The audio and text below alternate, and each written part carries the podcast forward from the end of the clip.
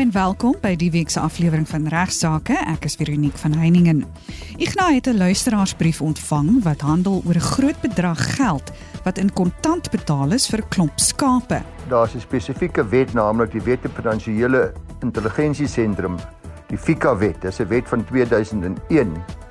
En hierdie wet maak dit baie duidelik dat almal wat kontant ontvang van meer as R25000 van iemand anders verplig is om dit te rapporteer. Ignas praat ook die week oor die integriteit van die regspraktyk. In die tweede deel van regsaake sluit prokureur en aktevervaardiger Claudia Noble Aref van Ntuli Noble ingelyf by my aan om in meer besonderheid te praat oor deeltitel en voltitel eienaarskap van 'n eiendom.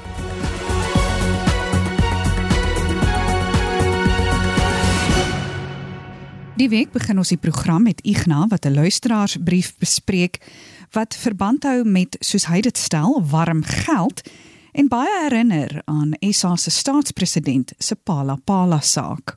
Ja, goeiemôre aan al die luisteraars en almal daar in die ateljee. Lekker om weer deel te wees van regsaake. Ek ontvang 'n skrywe van 'n Janeman van die Noord-Kaap.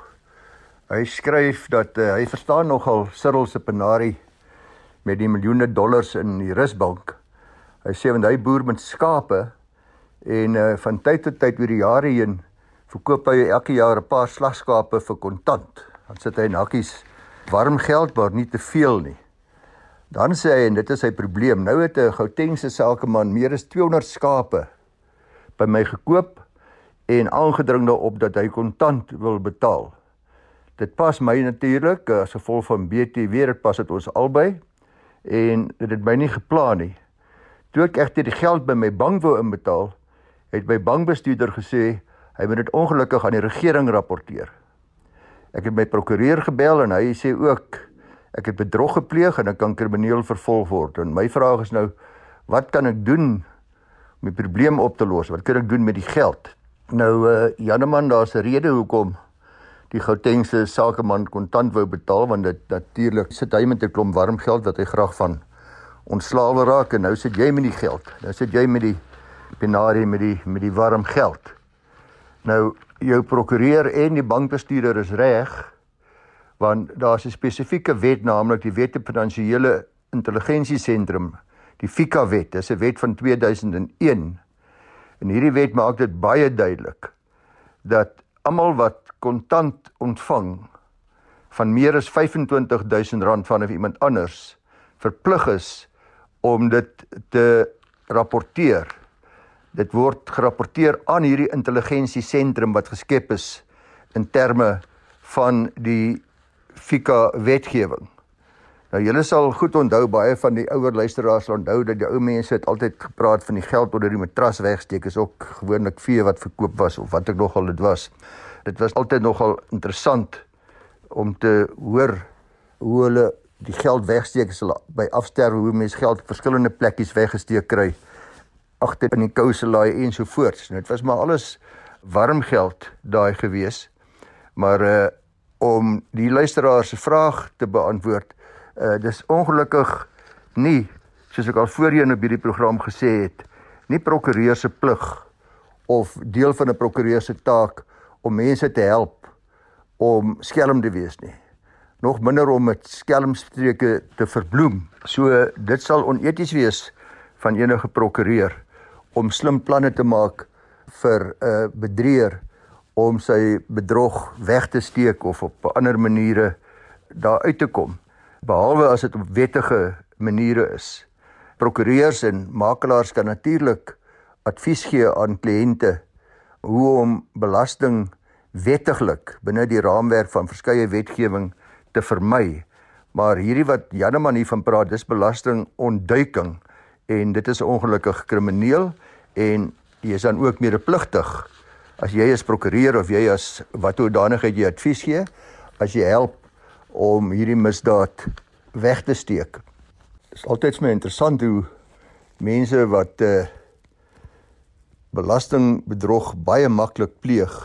Die eerste is om vreeslik hard te skree as daar korrupsie is en almal te verkwalik in die regering te sê hoe sleg hulle is want hulle is dan nou so korrup of daar word omgekoop uh, deur die die die omkopery deur die deur amptenarye ensovoorts ensovoorts maar uh hulle besef nie dat hulle deel word van die probleem ook wanneer hulle belastingbedrog pleeg.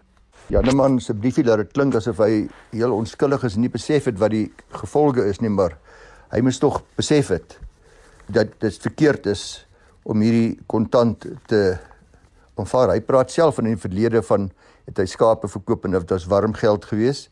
En uh die vraag is nou wat kan jy met daai warm geld maak? En die antwoord is amper niks. Want om daardie geld gewas te kry, moet dit op 'n wettige manier aangewend word. En elkeen wat daaraan deel het, is dan natuurlik deel van die misdaad. Natuurlik kan hy probeer om 'n motor te koop of ander mooi goederes te koop vir die plaas en implemente of wat ook nog al dit mag wees, maar hy moet weet die dag as die belastingbegader opdaag om te vra waarmee dit gekoop is, dan mag daar groot probleme wees en dan uh, gaan die wet op finansiële intelligensie die FICA wet 'n rol speel asook die wetgewing wat van toepassing is op die belastingpligtiges en daar's redelike groot boetes as ook strafsaake wat mag volg. Ek sluit my af met advies aan al ons luisteraars is 100 keer beter om al liewers altyd eerlik te wees en lekker te slaap en nie probeer om daai paar rand te wen met bedrog nie. Ek nou praat nou oor die integriteit van die regspraktyk. Ja, soos die luisteraars weet, praat ek hier namens die Prokureursorde van Suid-Afrika en soos jy ook weet, wat die Prokureursorde daarop aandring dat eh uh, prokureurs die hoë etiese en morele grond moet bewandel. Ek lees die beeld van 3 Julie, 'n pragtige standpunt van Gert Coetzee wat sê hoe die regse vrot appels uitgroei moet word en hy verwys na die Cornell Universiteit se regsfakulteit wat justisie beskryf as die etiese filosofiese idee dat mense onpartydig, billik en redelik deur die wet en arbiters van die wet behandel word. Geregtigheid, billikheid, gelykheid, morele gedrag, wetsgehoorsaamheid en orde is die hoeksteen. Beginselvaste en tydbeproefde regspraak dien as kompas vir die waarheid. Hy sê dan ook Gerkutse dat Plato in die 4de eeu voor Christus uitgewys dat die regbank in Suid-Afrika is dit veral so dink ek is die spulpunt van 'n gesonde bestel. So in Suid-Afrika luisteraars met sy sosiaal-demokratiese regering is daar baie dinge wat gebeur en sal die reg telkens red.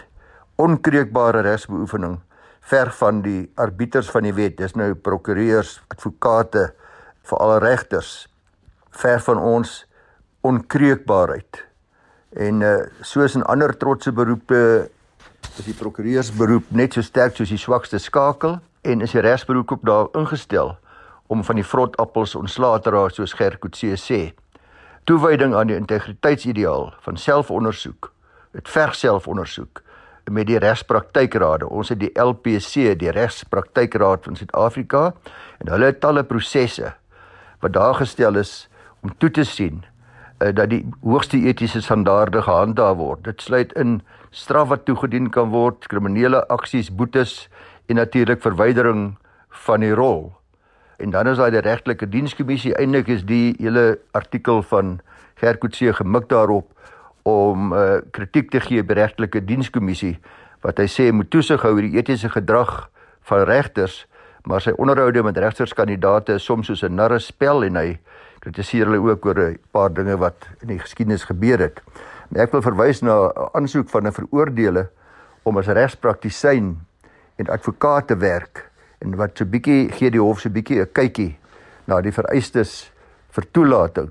Onlangs in die Gautengse Hooggeregshof is daar 'n aansoek van 'n ene Watcha gewees om as 'n advokaat of prokureur toegelaat te word. Die hof het die aansoek van die hand gewys en 'n bietjie gepraat oor wat is nodig om 'n prokureur en advokaat te wees. Die hof sê hulle het 'n plig om seker te maak dat diegene wat hierdie edele beroep wil betree geskik en betroubaar is. Die integriteit vir die regspraktyk sê die hof is van uiterste belang vir die handhawing van ons regstelsel en die behoud van die publiek se vertroue daarin. Daarom is daar streng vereistes. Die hof kyk na verskeie faktore onder andere vorige veroordelings. Ek het nou nou gesê dat uh, die vorige deel van van Janneman dat 'n uh, prokureur sal nie medepligtig wees aan aan misdade nie want so veroordeling sal jou ongeskik maak om verder te praktiseer as prokureur. Wat jy as in die verlede al gevonnis vir winkeldiefstal en ook 'n uh, een keer gevlug uit polisiebewaring.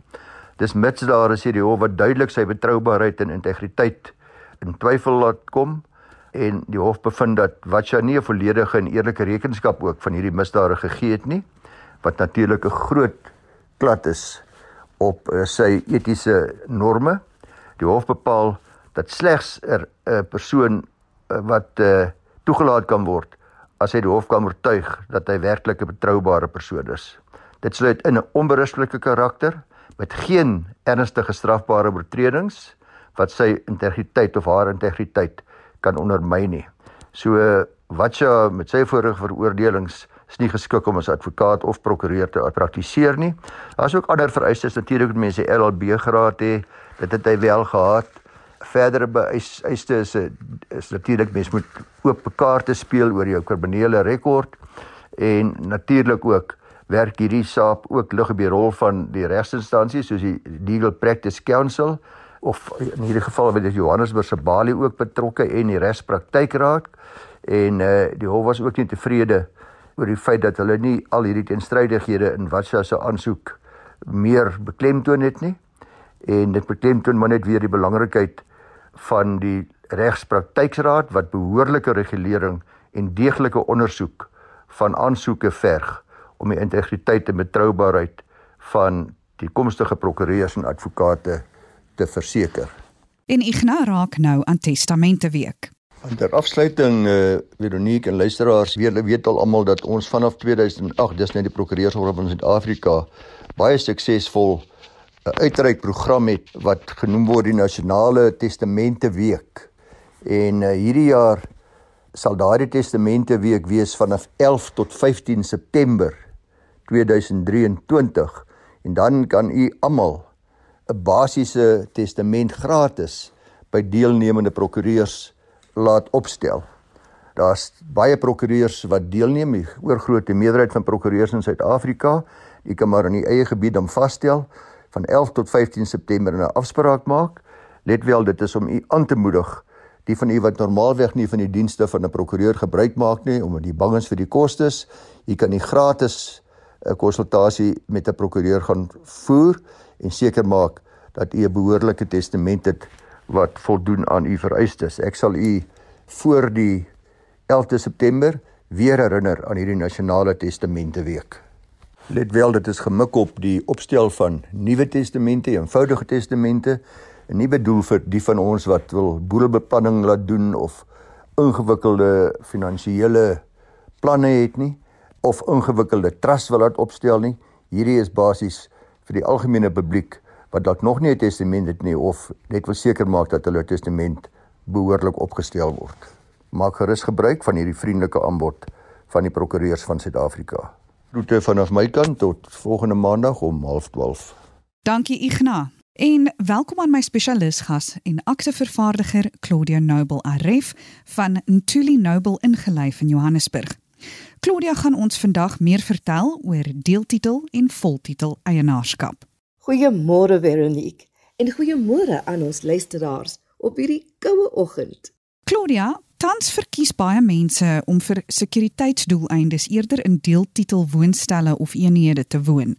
Maar wat is die verskil tussen deeltitel en voltitel eienaarskap? Ja, Veronique, sekuriteit is belangrik. My broer is onlangs in sy huis aangerand. Terwyl hy in ICU gelê het, het die diewe teruggekom en die res van sy waardevolle besittings gevat. Sodra hy die hospitaal was, het hy 'n huis in 'n deeltitelkompleks begin soek waar hy met sy kinders veiliger sou voel. Maar daar is 'n belangrike verskil tussen voltitel en deeltitel eiendom. En dit is belangrik om hierdie verskil te verstaan voordat 'n persoon 'n eiendom aankoop. Met voltitel dus, nou jou konvensionele titel, verwys eiendomsreg na die volle eienaarskap van 'n eiendom waar die eienaar die hele erf en alle verbeteringe daarop besit. Hierdie verbeteringe kan 'n huis, motorhuis, plante, 'n swembad, tennisbaan en so voort insluit. In die geval van voltitel is die eienaar verantwoordelik vir die onderhoud en instandhouding van die eiendom en kan hy of sy selfs reëls en regulasies daarvoor opstel. Die grense van die eiendom word bepaal deur die grense van die erf. Deeltitel eiendom daarinteen beskryf afsonderlike eienaarskap van eenhede of seksies binne 'n kompleks of ontwikkeling. Wanneer 'n mens deeltitel eiendom koop, koop jy 'n een eenheid binne die kompleks en nie die hele kompleks nie. Die grond en geboue in die kompleks word gemeenskaplik besit deur al die eienaars eienaarskap beperk dus tot jou individuele eenheid of seksie terwyl die res van die kompleks gemeenskaplik besit word. Die grense van jou eenheid word bepaal deur die grense van jou seksie. En gemeenskaplike eiendom wat is dit nou eintlik? Die gemeenskaplike eiendom in 'n deeltitelskema bestaan uit die dele van die skema wat nie aan enige spesifieke eenheid behoort nie. Dit sluit in tuine, swembaddens, gange, huisbakke, voorportale, buitemure, fondamente en die dak. Hierdie gebiede is gemeenskaplik en word deur alle eienaars in die skema gedeel. Dit beteken dat geen individuele eienaar 'n eksklusiewe eiendomsreg het oor hierdie gemeenskaplike gebiede nie. By die aankoop van 'n deeltitel eenheid verkry 'n koper 'n spesifieke afdeling binne die skema en 'n onverdeelde aandeel in die gemeenskaplike eiendom. Die afdeling verwys na die eenheid self wat gewoonlik 'n woonstel, meenhuis, motorhuis, huishoudelike personeelkamer of eksterne stoorkamer kan wees. Dit is die deel wat die koper eksklusief besit en waaroor hy of sy beheer het. Die afdeling strek gewoonlik tot by die middelpunt van die buiteste en skeidende mure, die onderste gedeelte van die plafon en die boonste gedeelte van die vloer. Dit beteken dat die buitemure, dak, spasie bo die plafon en fondamente nie deel is van die individuele eienaar se afdeling nie, maar deel uitmaak van die gemeenskaplike eiendom wat deur al die eienaars gedeel word. Dit is belangrik om te besef dat alhoewel 'n individuele eienaar eksklusiewe gebruik van sekere dele van die gemeenskaplike eiendom kan hê, soos 'n toegewyde motorhuis of stoorkamer, bly dit steeds deel van die gemeenskaplike eiendom en val onder die gesamentlike verantwoordelikheid van al die eienaars in die skema. Die wet op deeltitels beheer die regulasies en verpligtinge wat van toepassing is op deeltitel eiendomme. Dit sluit in die rol van 'n beheersliggaam bekend as die body corporate wat die belange van die eienaars verteenwoordig. Nou, wat is die funksie van die beheerliggaam dan? Elke eienaar word outomaties 'n lid van die beheerliggaam Veronique. Die beheerliggaam stel reëls en regulasies op wat verskillende aspekte dek, soos troeteldiere, geraasvlakke, instandhoudinge vereistes en die maandelikse heffing wat deur die eienaars betaal moet word. Hulle tree op namens en in belang van al die eienaars. Die ontwikkelaar is ook 'n lid van die beheerliggaam totdat die laaste eenheid verkoop is. Die beheerliggaam word beskou as 'n afsonderlike en onafhanklike regspersoon. Dit beteken dat die beheerliggaam die reg het om self in regshandeling op te tree en self ook aanspreeklik gehou kan word in eie naam. Hierdie regspersoonlikheid maak dit vir die beheerliggaam moontlik om aksies te neem en verpligtinge na te kom. Die wet stel sekere pligte en verantwoordelikhede vir die beheerliggaam vas.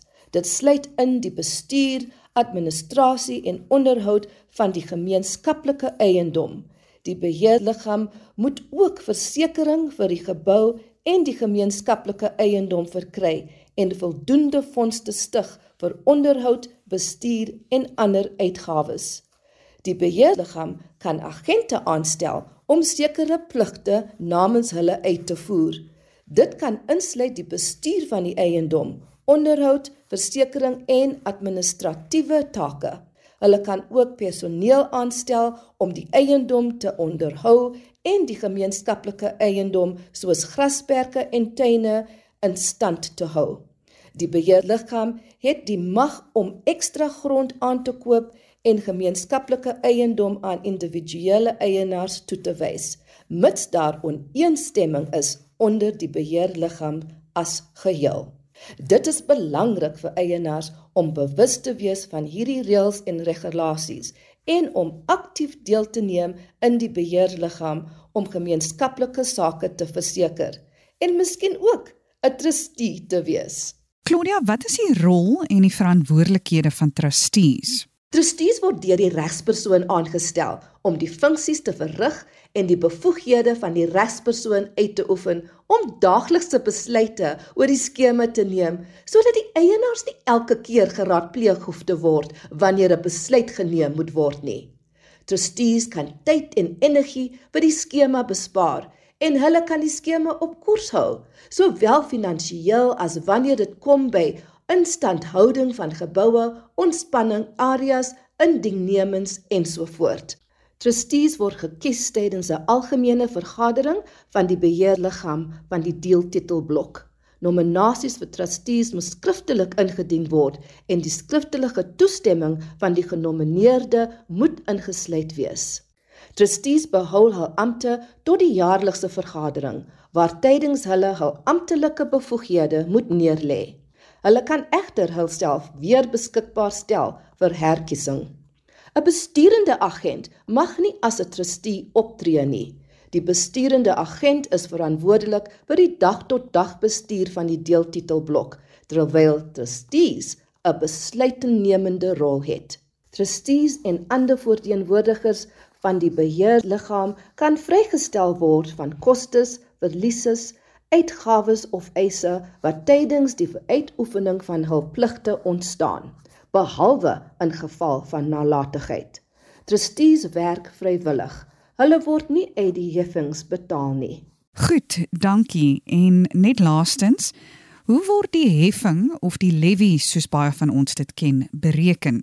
Deeltitelheffings is die maandelikse heffings wat deur eienaars van deeltitel eenhede betaal word vir die onderhoud van die geboue, tuine, swembad en dienste soos sekuriteit en ander gemeenskaplike fasiliteite. Die heffings word bereken volgens die grootte van 'n een eenheid in vergelyking met ander eenhede in die kompleks. Byvoorbeeld, as daar 'n blok woonstelle is en 'n eienaar 'n groter woonstel het as 'n ander eienaar, sal die eienaar met die groter woonstel 'n groter deelnemingskwota hê. Die deelnemingskwote word dan gebruik om die verdeling van koste en heffings te bepaal. Die totale jaarlikse koste word verdeel deur die totale som van al die deelnemingskwotas en die resultaat is die maandelikse bedrag wat aan elke eienaar gehef word. Met ander woorde, eienaars met groot deelnemerkwotas sal 'n hoër bedrag moet betaal in vergelyking met eienaars wat kleinere deelnemingskwotas het. Daar is ook gevalle waar 'n beheersliggaam 'n spesiale heffing kan instel bo en behalwe die maandelikste heffing. Hierdie spesiale heffing kan vir duur projekte gebruik word, soos die installering van 'n huisbak of die verf van die hele gebou. Die doel van hierdie spesiale heffing is om die koste van sulke projekte te dek. Ter afsluiting Veronique, afviseer ek ons luisteraars om die finansiële staat van 'n beheerliggaam te ondersoek voordat hulle in 'n deeltitel woonstel belê. Dit sal hul 'n idee gee van die finansiële gesondheid van die liggaam en of dit in staat is om die nodige instandhouding en herstelwerk te bekostig. Dit kan ook 'n aanduiding gee van die moontlikheid van toekomstige heffings of spesiale heffings vir verbeteringe. Dit sal hul help om 'n ingeligte besluit te neem en onaangename verrassings in die toekoms te voorkom. Baie dankie Veronique en totsiens aan al ons luisteraars. Baie dankie aan Ignas Kleinsmid en Claudia Noble Aref van Ntuli Noble ingelyf in Johannesburg vir hulle bydraes tot vandag se program. Vir enige navrae stuur gerus 'n e-pos na my toe by vero@rsg.co.za. Van my Veronique van Heiningen groete tot volgende week.